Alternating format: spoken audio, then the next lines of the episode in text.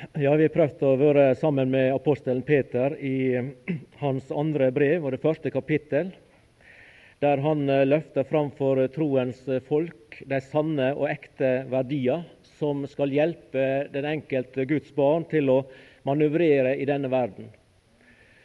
Og til å holde fast på det sanne, på det gode, på det ekte, og til å kunne si fra seg og ta avstand fra det uekte, det falske, det som eh, bare er etterligning av det ekte. Første timen så var vi opptatt med de første fire versene, og overskriften på den det var 'Ei guddommelig frelse'. Den andre timen da var vi opptatt med versene som kom etterpå, til og med det skjønne verset, og jeg kalte det for 'Et liv til Guds ære'. Og I denne timen så skal vi noen vers videre i dette kapitlet. Vi har sett som overskrift 'Fruktene av et liv til Guds ære'. Vi hører han Svein løfte så fint fram ut fra Romerbrevet 5 om rettferdighetens frukter.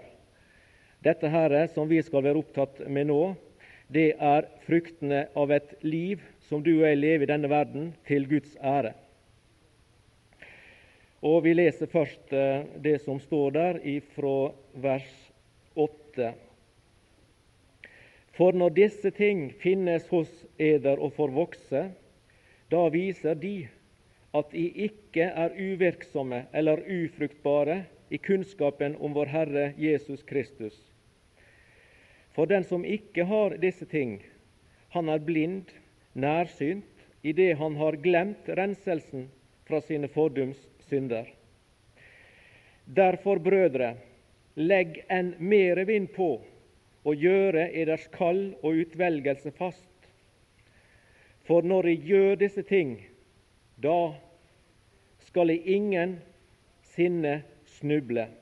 For på denne måte skal det rikelig gis eder inngang i vår Herre og Frelser Jesu Kristi rike. Mange mennesker, og spesielt mennesker utenfor Guds familie, har den oppfatning av kristenlivet, av det å bli en kristen, være en kristen, leve som en kristen, at det er et tørt, et trist, et kjedelig og uinteressant liv. De tror gjerne at når du blir en kristen, så må du gi avkall på alle ting som er positive, gledesfylte, og slike ting som en liksom setter en pluss foran, og at livet bare blir fylt med begredelige, triste ting. Men de tar fullstendig feil. Det kan du og jeg vitne om, som har opplevd begge former for liv. De av oss som har levd et liv i verden, og som i dag lever et liv i Guds familie, vi vet av egen erfaring hva det ene var, og hva det andre er. Og vi kan vitne og si at det er slett ikke slik som mange vil ha det til. Og Jeg tenkte på det nå i ettermiddag at kan vi som er her som et Guds barn, selv om våre liv også i hverdagen går opp og ned Vi møter så mange forskjellige ting som eh, gjerne vil ta motet fra oss, og ta gleden fra oss og ta freden fra oss osv. Men jeg tenkte på det at eh, går det an for en kristen å kunne si det om sitt eget liv som et Guds barn, at det er trist, og at det er kjedelig og at det er uinteressant? Når vi tenker på det som er blitt løftet fram gjennom bibeltime og møter her på Lundeneset denne veka, når vi har bibelboka Skattkammeret, Guds skattkammer Det ble kalt her en kveld for Guds kjærlighetsbrev til oss. Det er fullt av Guds ord til deg og meg. Hans tanker, åpenbaring av hans vesen, av alle de ting som har med ham å gjøre, og med alle hans tanker om nåtid og framtid osv. Det finner vi her.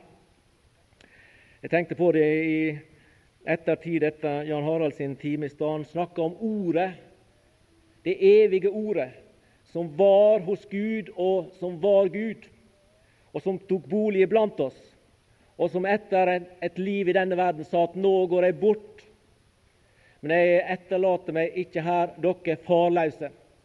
Talsmannen skal komme til dere. Og han etterlot oss noe annet også. Han etterlot oss Ordet. ordet som vi finner her.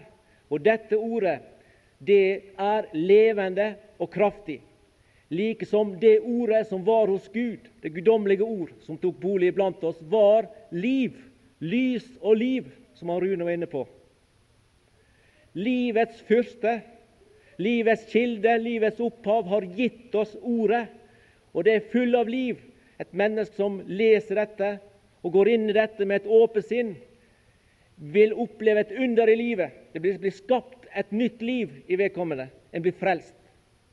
For en møter personen Jesus Kristus, den eneste som kan gi liv til en fortapt synder, fordi han er livets kilde. Og når du og jeg kjenner og har lært å kjenne denne, dette evige ordet, som er åpenbart oss gjennom Skriftene, og dette ordet er også Sønnen, som han Håkon har vært så fint inne på. Sønnen over Guds hus, der vi kan gå inn i det himmelske hus med frimodighet, som han har minnet oss om. Og tilegne oss disse tingene og kan gå ut igjen derifra til hverandre og oppmuntre hverandre og oppgløde hverandre og hjelpe og støtte hverandre som troens folk i denne verden. Og utenfor oss er det masser av mennesker som ikke har hørt evangeliet som er en oppfordring og en utfordring til oss fra Romerbrevet 1, at vi ikke skammer oss for evangeliet, men bringer det ut, for det er Guds kraft til frelse for hver den som tror. Da kan ikke et Guds liv, et Guds barns liv være kjedelig, tomt og trist og innholdsløst. Det er full av utfordringer. Det ligger på hvert et hjørne i våre liv hver en eneste dag. Og Derfor så er det ikke så rart at en sanger eh, det sto så fint i en sang vi sang en kveld her, men nå kom jeg vekk fra nummeret. Var det 2.34 eller et eller annet? Men iallfall så er det en sangstrofe en eller annen plass som sier, en sanger som sier Når han ser på dette, det han eier som en kristen, og som han har fått del i som et Guds barn, og så det som verden har å by, seg han Jeg bytter ei bort for millioner.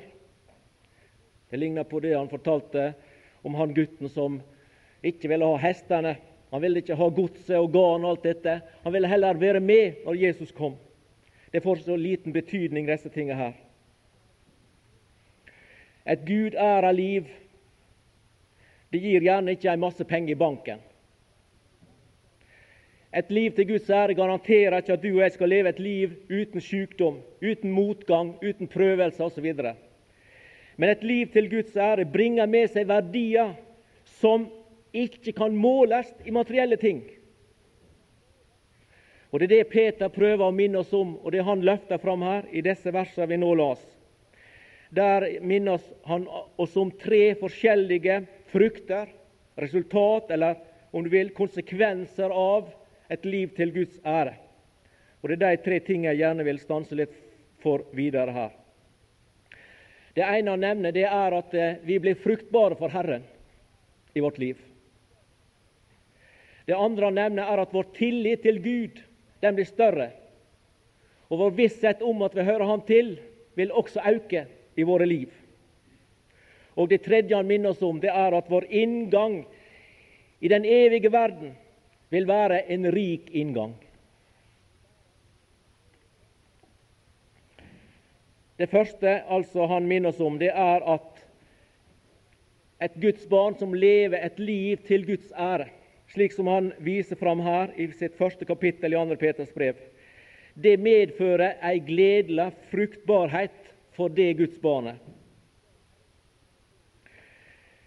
I vers 8.: For når disse ting finnes hos eder og får vokse, da viser de Det er noe som viser seg, det er noe som kommer fram til overflata, så andre legger merke til det.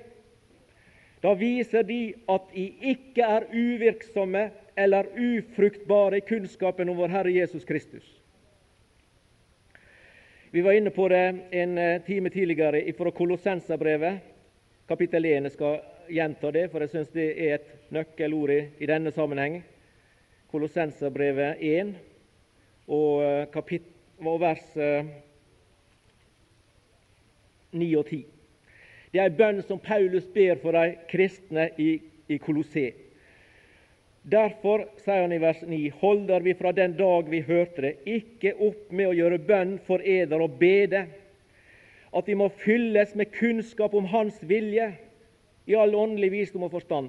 Og er ikke det ei bønn som fyller din sjel også, både for din egen del og for de andre troende søsknene sin del? At du, når du tenker på troens folk, så tenker du på det også i denne sammenheng at du gjerne vil at de som du kjenner, og som du omgås, som er dine venner osv., og, så og nådesøsken i Herren, så vil du at de også må fylles med kunnskap om Guds vilje i all åndelig visdom og forstand. Og du ønsker det for din egen del. At de kan vandre Der kommer vandringa vår inn i bildet. Verdig for Herren. Ja, det er det vi gjerne vil. Og det vil vi for vår egen del, og det vil vi for hverandre sin del. Til velbehag i alt. Så vi bærer frukt og vokser. Der er utvikling, der er vekst, der er frukt i det liv i all god gjerning ved kunnskapen om Gud. Så jeg styrkes med all styrke etter Hans herlighetskraft til den tålmodighet og langmodighet. Og så kommer gleden og takka og fryden inn i bildet. Så jeg med glede takker Faderen, som gjorde oss skikka til å få del i de helles arveråd i lyset, Han som fridde oss ut av mørkets makt og satte oss over i sin elskede Sønns rike, i hvem vi har forløsningen, syndenes forlatelse. Det er ei bønn i vår sjel, i vår ånd, om at det også må bli oss til del. At vi ikke skal bli ufruktbare og uvirksomme som troende i denne verden, men at Han får virke i oss de resultat som Peter her drar fram. Og Det som er grunnlaget og forutsetninga for dette, her, det er, slik som jeg ser det, de tinga som vi var inne på i forrige time, da vi prøvde å løfte fram disse åtte ulike karaktertrekka som skulle karakterisere ei utvikling i hver enkelt troende sitt liv. For når disse ting finnes, altså at vi legger vekt på i vår tro å vise dyd, som det står, og i dyden skjønnsomhet, og skjønnsomheten avhold, og i avholdet tålmod, og tålmodet gudsfrykt, og i Guds frykte brorkjærlighet, og i brorkjærligheten kjærlighet til alle. For når disse ting finnes hos dere og får vokse, da ser vi at det er en utvikling. Og som jeg nevnte sist, det er ikke å knipse med fingrene, og så er vi ferdig. Så er vi voksne, så er vi fullmodne. Det er ikke slik det foregår. Det foregår ei utvikling fra en lille begynnelse og framover gjennom livet vårt som Guds barn.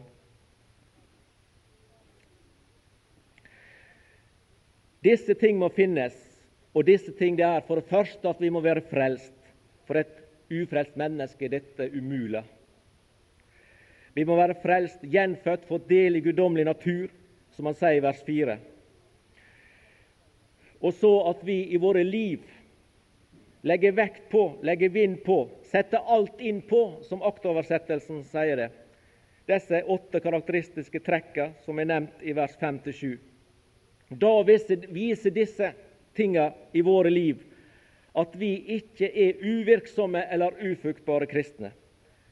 Tvert imot så er det sånn at den lydige kristne, den som vil leve under Guds vilje, som også vi ble minnet om her til åpning i kveld, at vi underlegger oss Hans vilje, at vi går inn i Hans ord, tilegner oss ord og lar det virke i våre hjerter i våre sjel og i vår ånd, slik at det forandrer og forvandler våre liv. Så er vi glad og lykkelige og takknemlige når vi får lov til å tjene Herren og til å gå æren for Han, enten de er noe små eller store. Alt dette som Han gir nåde til det. Og så sier Peter at den troende som ikke har disse ting, er blind nærsynt. Idet han har glemt renselsen fra sine fordoms synder. Og Det tar jeg på den måten at det, det betyr at en person som her blir regna for blind nærsynt, det er en troende person.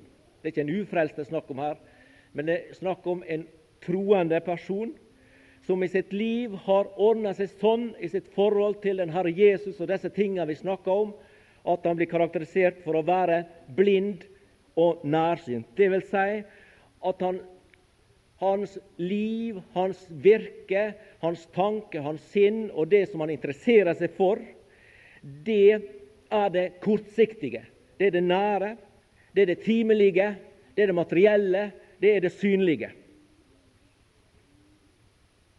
Vi blir altså minnet av Peter her om at den lydige kristne han vil være fruktbar for Gud, mens den kjøtelige, den materielt innstilte kristne lever veldig kortsiktig i sin planlegging og sin målsetting, og på mange måter, ut fra disse versene i hvert fall, virker å leve unyttig for Herren.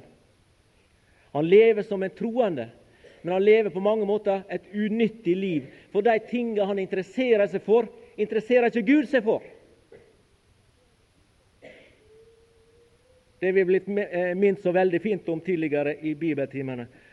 At når vi interesserer oss for det Gud interesserer seg for, så kan det bli frukt, så kan det bli vokst der, så kan det bli utvikling. Men hvis vi bruker vår tid og våre krefter og våre penger og våre midler på ting som er Gud helt fjernt, da vil ikke det være oss til nytte. Og Dette minner oss sterkt om, i hvert fall minner det meg om, dette her, at de jordiske tinga, de materielle, de timelige verdiene, de er midlertidige. De vil snart svinne og forgå, mens de himmelske ting, de er evige. La oss gå til Matteus evangelium, kapittel 6. Der sier Jesus ifra vers 19.: Samle er der ikke skatter på jorden. Det er mulig å samle seg skatter på jorden. Det er mulig å samle skatter slik at de skattene vi har på jorda Vi er jo veldig rike, vi som er her på møte i kveld. Vi er av verdens rikeste mennesker, rent sånn materielt. Når vi tenker på hvordan kanskje tre fjerdedeler av jordens befolkning har det, så er jo vi konger og fyrster i sammenligning med dem.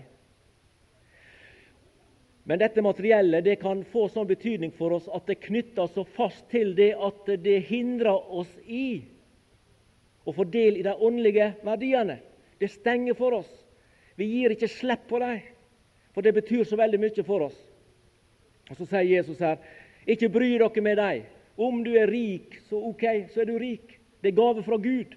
Om du ikke er rik, så er det ok for deg da er det den situasjonen Gud er satt inn i i denne verden.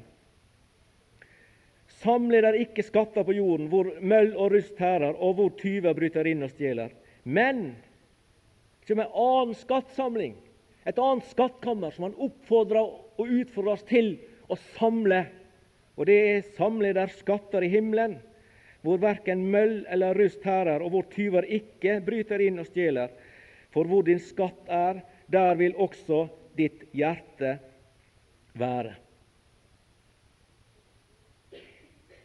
Og Hvis vi går inn i den himmelske verden, som vi så fint er blitt minnet om på bibeltimer i denne veka, og interesserer oss for de himmelske verdiene og for den himmelske person som er ved Faderens høgre, og samler oss skatter som vil være evige, så vi vil dra dem med oss inn i den evige verden, mens alt det materielle, jordiske, det forgår og har ingen evighetsbetydning. Tvert imot, ikke annet i hvert fall enn i negativ betydning at det hindrer oss, at det fører oss på avveie.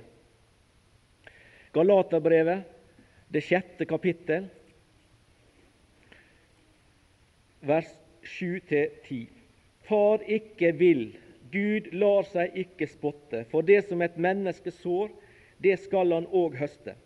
For den som sår i sitt kjøtt, skal høste fordervelse av kjøtet, men den som sår i Ånden, skal høste evig liv av Ånden. Men la oss gjøre det gode og ikke bli trette, for vi skal høste i sin tid, så fremt vi ikke går trett. La oss derfor, mens vi har leilighet til det, gjøre det gode mot alle, men mest mot troens egne folk. Far ikke vil. Det et menneske sår, skal du òg høste.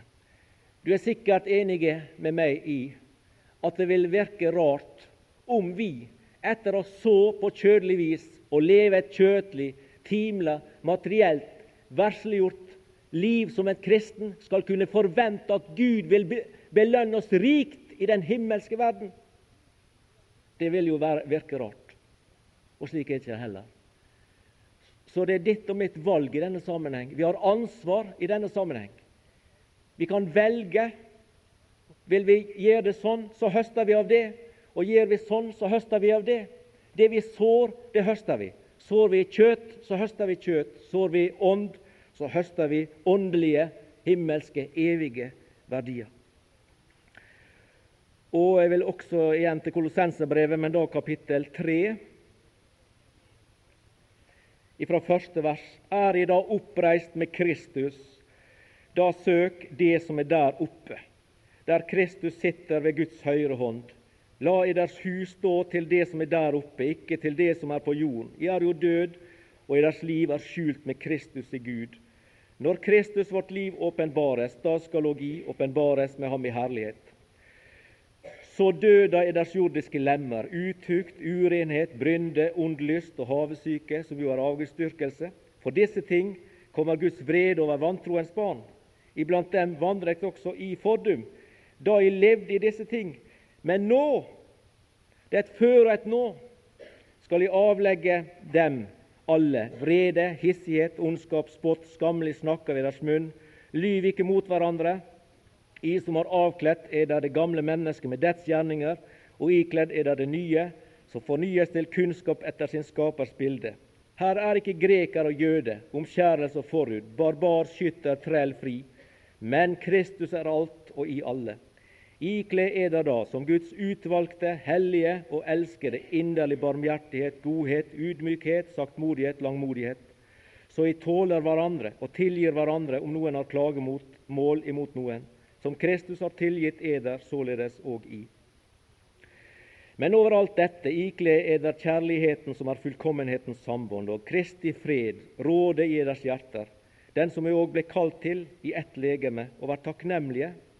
La Kristi ord bo rikelig hos eder, så I lærer og formaner hverandre i all visdom, med salmer og lovsanger og åndelige viser, og synger yndig i eders hjerter for Gud. Og alt som vi gjør, i ord eller gjerning, Gjør det alt i den Herre Jesu navn, i det jeg takker Gud Far for ham, ved ham. I hustruer, underordne eder under deres menn som det sømmer seg i Herren. I menn, elsk eders hustruer og vær ikke bitre imot dem. I barn, vær lydige imot eders foreldre i alle ting, for dette er velbehagelig i Herren. I fedre, oppegg ikke eders barn for at de ikke skal tape motet. I tjenere, vær lydig i alle ting imot eders herrer etter kjødet ikke med øyentjeneste som de som vil tekkes mennesker, men i hjertets enfold i det jeg frykter Herren. Det jeg gjør, gjør det av hjertet som for Herren, og ikke for mennesker. For jeg vet at jeg skal få arven til lønn av Herren. Tjen den Herre Kristus. Ja, slik sier ordet om denne sak. Det skaper frukt i våre liv, og i denne sammenheng her, det er ei frukt som gjelder vokster og utvikling i våre liv som er troende. Vi blir fruktbare for Herren. Det andre jeg vil minne om ut ifra Peters brev her, det er at når disse ting finnes hos oss, i liten eller større grad, etter hvor langt vi er kommet på Herrens vei, så gir det ei veldig tillit til Gud og det gir ei visshet i vårt hjerte om at vi hører den Herre Jesus til. I vers 10 står det nemlig derfor, brødre, legg enn mere vind på og gjør deres kall og utvelgelse fast. For når de gjør disse ting, da skal de ingenlunde snuble. Vi las her i vers 5, husker du, at uh, han bruker uttrykket 'legg og just derfor all vind på'. Og Noe lignende bruker han altså her i vers 10. Derfor, brødre, legg enn mere vind på og gjør deres kall og utvelgelse fast. Apostelen han har tidligere, nemlig i vers 3, referert til den troendes kall. At vi er kalt med et guddommelig kall inn i Guds samfunnet. Inn til samfunn med Gud. Og Han sier i, eh, i sitt første brev og første kapittel og eh, de to første versene der, at alle som tar imot Jesus som sin frelser, de er utvalgt av Gud etter Guds forutviten.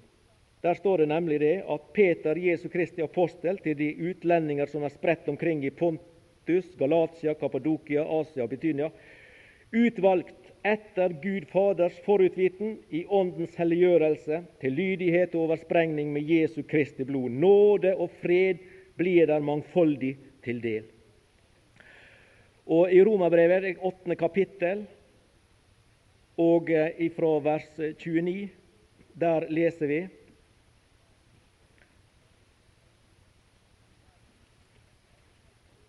For dem som han forutkjente, dem har han også forutbestemt til å bli likedannet med hans sønns bilde, for at han skulle være den førstefødte blant mange brødre.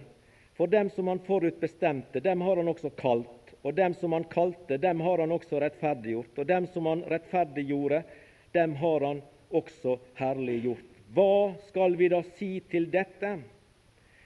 Er Gud for oss, hvem er da imot oss? Han viser her at det er vi som har tatt vår tilflukt til Jesus. Det er en måte å uttrykke det på at vi er frelst. Vi er utvalgt av Gud. Vi er satt inn i Guds familie. Vi er med i den himmelske slekta. Så det er klart, vi er frelst. Men så sier han her at det, enda vi er frelst, og som frelste, så skal vi legge enn mer vind på å gjøre vårt kall og vår utvelgelse fast, enda det at vi har fått del i et kall og fått del i Guds utvelgelse, slik som ordet her sier. Hvordan kan vi gjøre vårt kall og utvelgelse fast? Ja, det svaret jeg vil gi.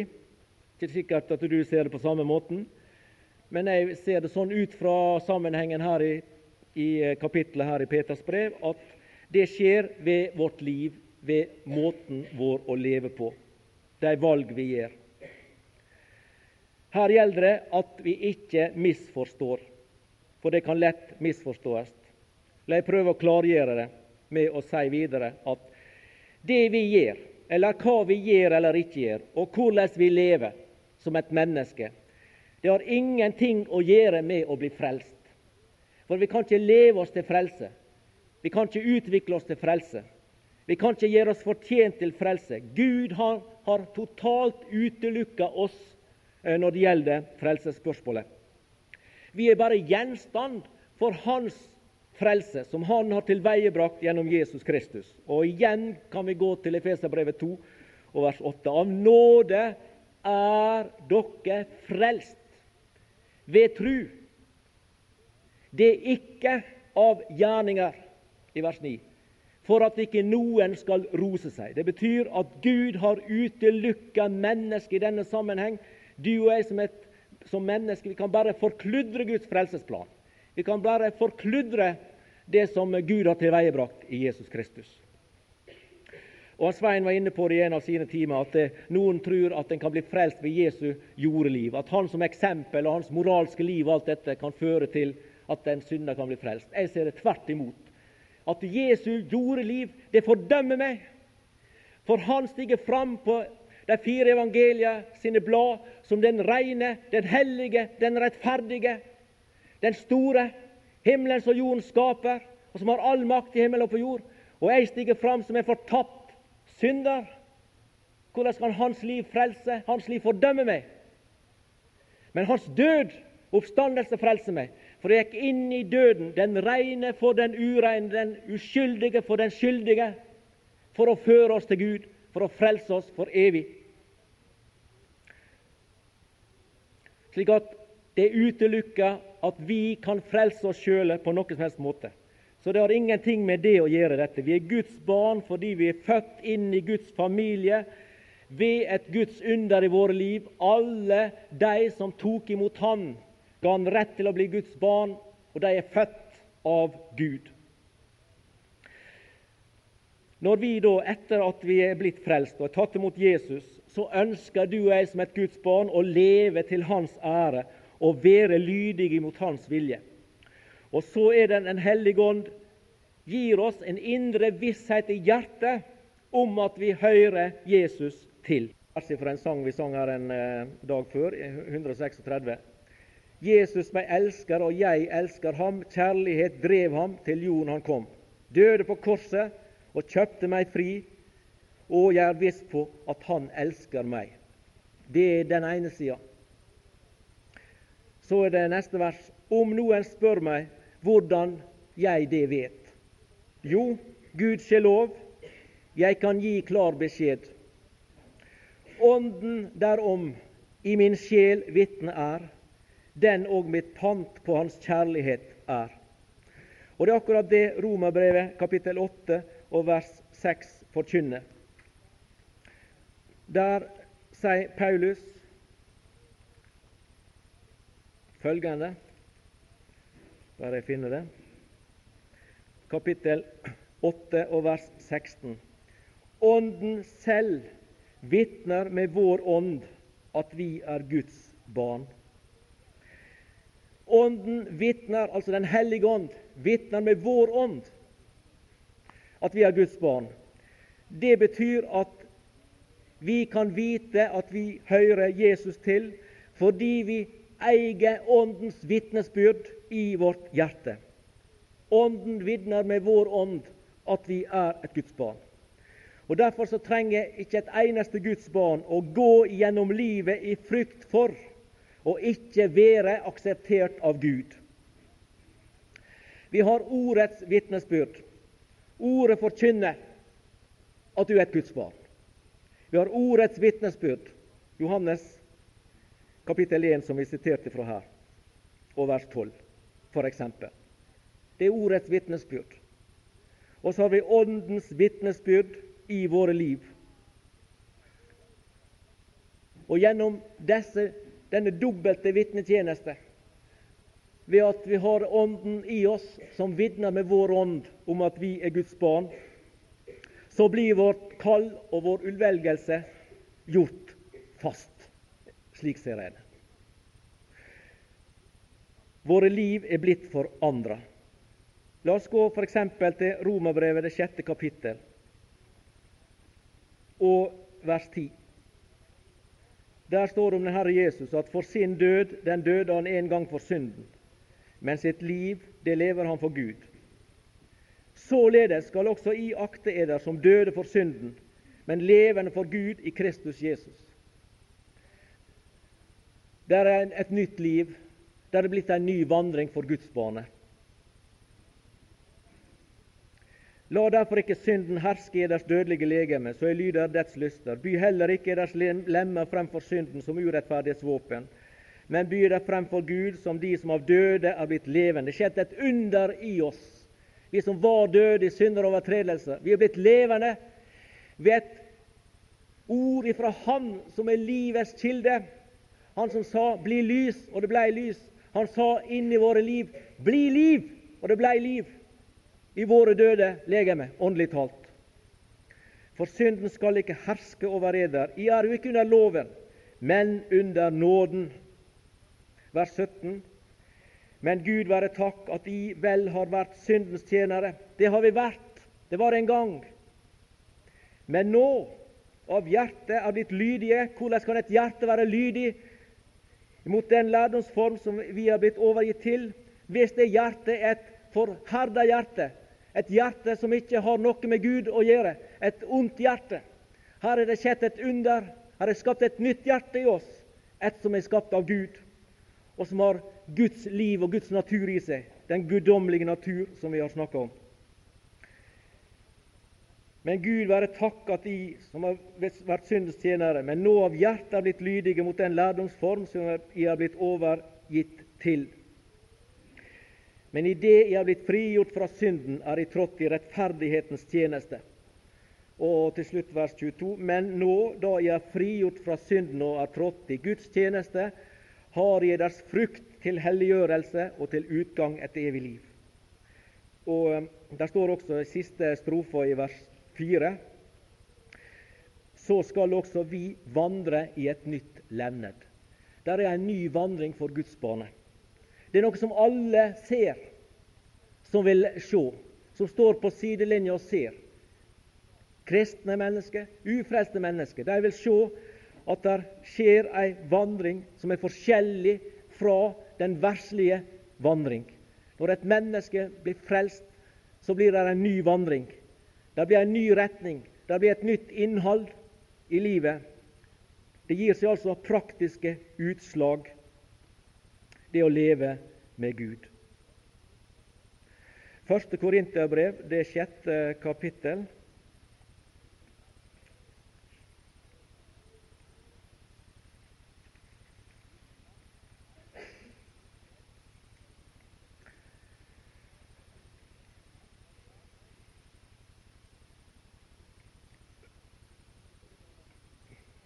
Ifra vers 9.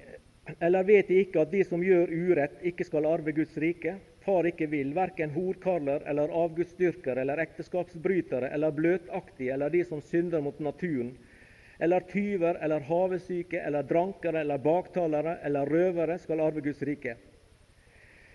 Og således var det med somme av eder. Det var en del av de troende i Korint som hadde den bakgrunn, som hadde den fortid, som hadde det stempel på seg, for å si det på den måten, at de hører til i disse kategoriene som her er nevnt i vers 9 og 10. Men I har latt eder avtvette, I er blitt helliget, I er blitt rettferdiggjort i den Herre Jesu navn og i vår Guds ånd.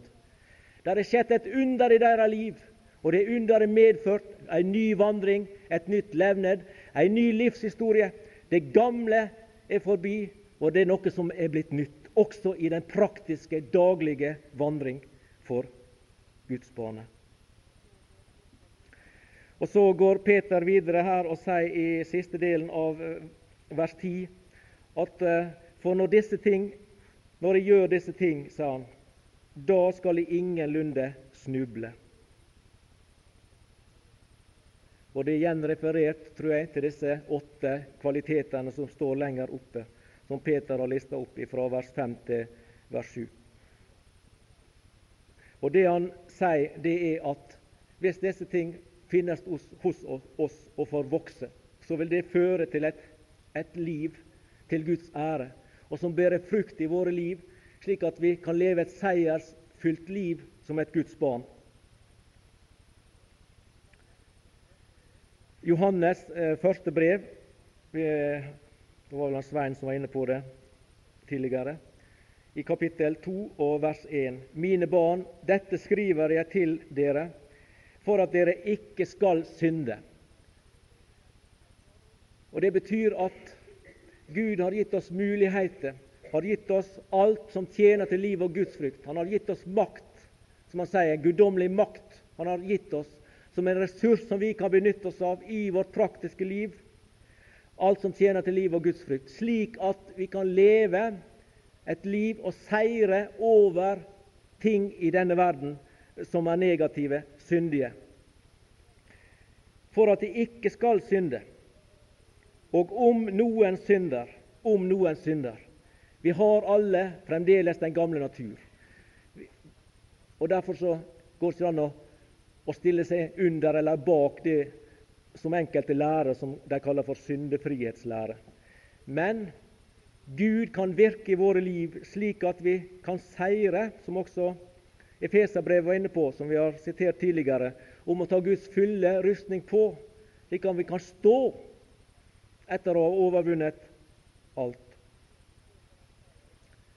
Og Peter han sier det her at hvis at disse tingene får finnes hos oss og får vokse, så skal vi ingenlunde snuble. Det er en mann av erfaring som skriver her. Du er vel klar over det? Tenk tilbake Peter, på Peters liv. Tenk tilbake på ypperste prestens gård. Tenk på, tilbake til hagen. Tok han et sverd og kappa øret av en kar der? Og Her skriver han om å ha tålmod, om å ha sjølbeherskelse osv. Jo, Peter han hadde erfart ting i sitt liv. Han hadde erfart fall. Han hadde erfart at han hadde forgått seg, og han erfarte at han snubla der i ypperste prestens gård når han fornekta sin Herre og Frelser. Og jeg kan tenke meg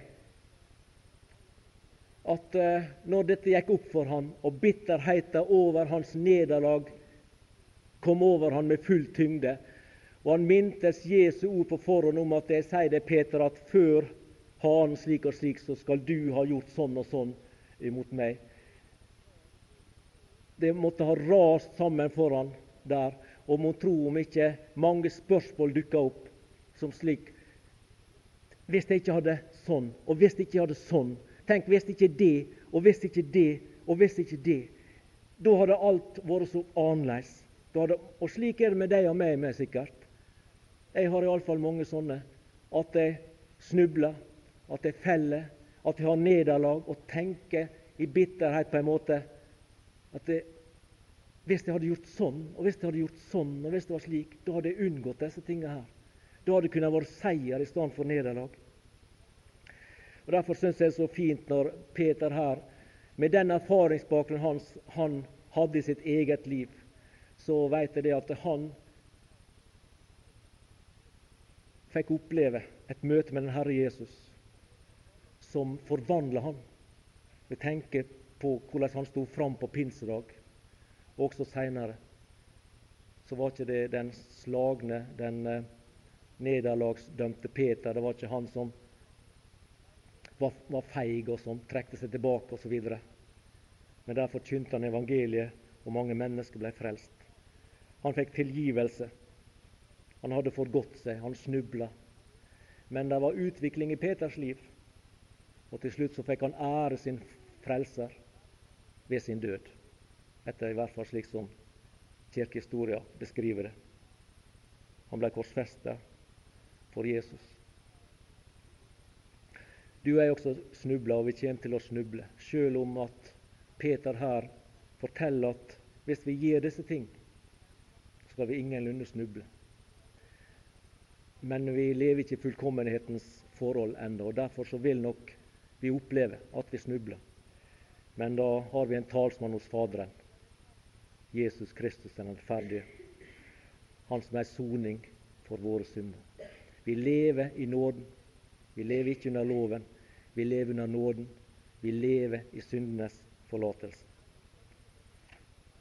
Det tredje og siste som Peter her rekker fram, da det er at som ei frukt av et liv til Guds ære, så blir en troende lov til en rik inngang i vår Herre og Jesu Kristi evige rike. Alle Guds barn kommer til himmelen.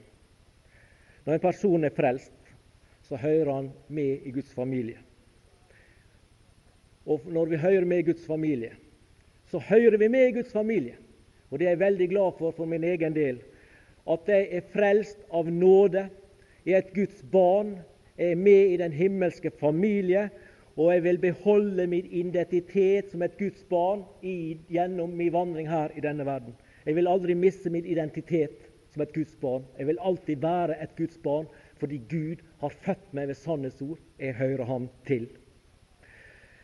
Men det Peter sier her, det er at det, den troende som gjennom sitt liv har opplevd ei utvikling, opplevd av disse tingene som han snakka om tidligere i kapittelet her, at det får være med på å forandre og forvandle livet, det vil føre til at en får en herlig inngang i den himmelske verden. 2. Eh, Korintier 5 og, og 10.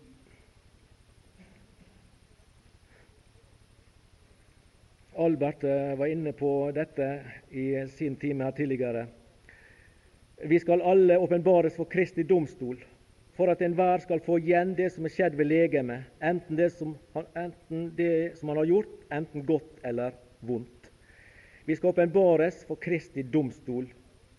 Der skal det ikke avgjøres om vi er frelst eller ei. Det blir avgjort her i denne verden. Men der det er en belønningsdag. Det er vår tjeneste og uh, vårt forhold til Han som blir tatt opp der.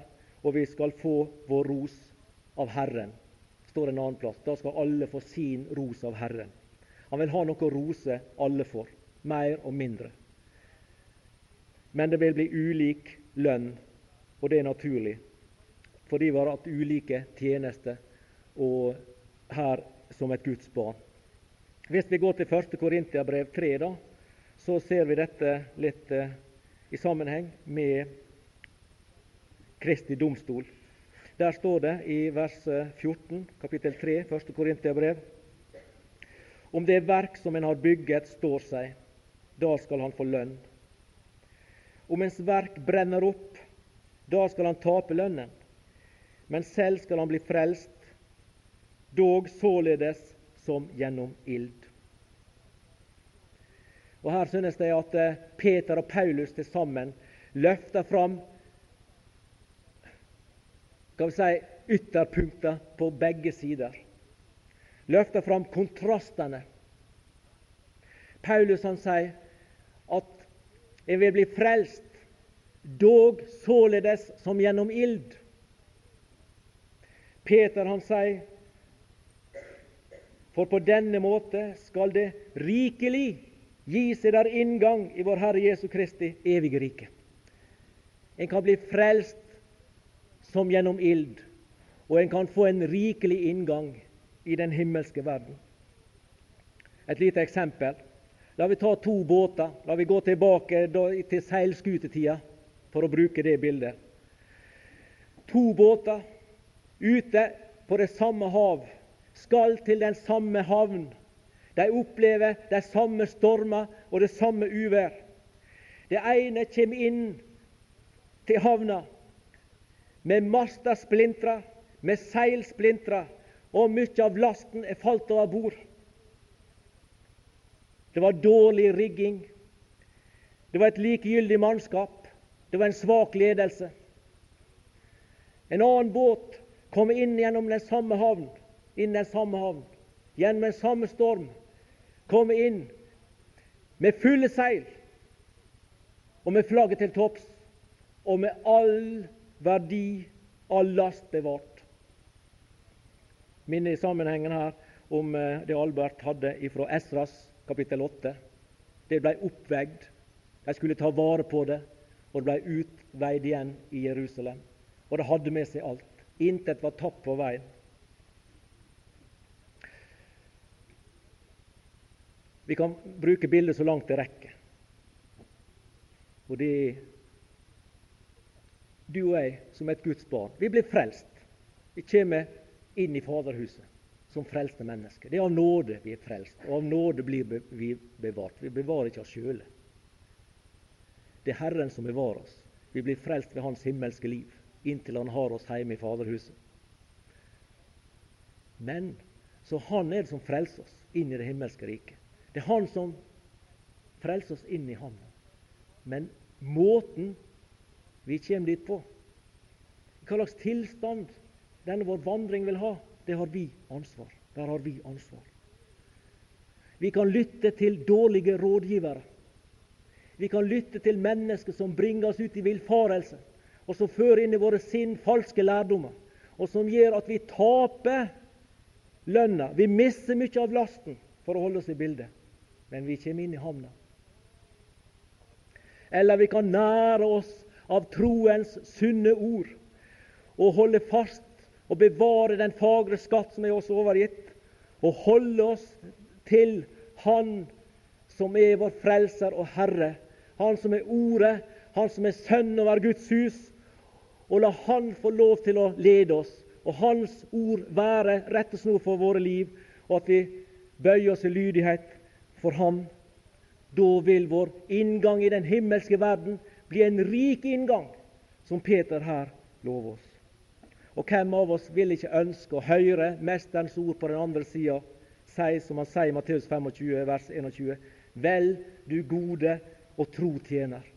Tenk å få den anerkjennelse av sin Herre og Mester at vi, han regner oss som trofaste der han setter oss, i den tjeneste han måtte gi oss. La oss derfor leve til Hans ære som døde og oppsto for oss. La oss være opptatt med Han, slik som Hebreabrevet 12 beskriver det, og som vi skal avslutte med, pluss et, noen få vers i Filippenserbrevet. Derfor la oss òg, da vi har så stor sky av vitner omkring oss, avlegge alt som tynger, og synden som henger så fast ved oss, og med tålmodighet løpe den kamp som er oss foresatt, idet vi ser på troens opphavsmann og fullender Jesus, han som for den glede som ventet ham, led tålmodig korset uten å akte vanæren, og nå sitter på høyre side av Guds trone. Ja, gi akt på ham som tålmodig har litt en slik motsigelse av syndere, så I ikke skal gå trett og bli motløse i eders sjeler. Og så til slutt Filippenserbrevet, kapittel 2, vers 12 til 16. Derfor, mine elskede, like som vi alltid har vært lydige, så arbeid, ikke bare som i mitt nærvær, men nå meget mer i mitt fravær, på eders frelse med frykt og beven. For Gud er den som virker i eder, både å ville og å virke til Hans velbehag. Gjør alt uten knurr og tvil, for at de kan være, Guds, være ustraffelige og rene, Guds ulastelige barn, midt iblant en vanartet og vrangslekt, iblant hvilken I viser dere som lys i verden, i det I holder fram livets ord til ros for meg på Kristi dag, at jeg ikke har løpt forgjeves eller arbeidet forgjeves. Ja, Herre Jesus, hjelp oss, Herre, til det som vi la oss her. Jeg takker deg for at du er så forutsigende, forutsjående. Du veit hvem vi er. Du visste alt om meg før du meg kalla. Men likevel så kalte du meg og frelste meg. Og du veit alt om meg her jeg står i denne stund. Og du veit at det er så mange fall og nederlag. Det er så mange svik. Det er så mange triste ting i mitt liv. Og det er så lite vilje, Herre, til å gjøre noe for deg. Men jeg takker deg for ordet her som sier at det, det er du, du, Gud, er den som virker i oss, både å ville og virke til ditt velbehag. Så la oss åpne oss for din virksomhet i våre liv, så vil det bære frukt, og vi vil kunne virke for deg i, de, i din vingård, Herre. Og at vi er tro i den tjeneste du har satt oss, at vi lever som lys i verden i det vi holder fram livets ord, Herre. La oss holde fram livets ord. Hjelp oss å være tro der du har sett oss. Amen.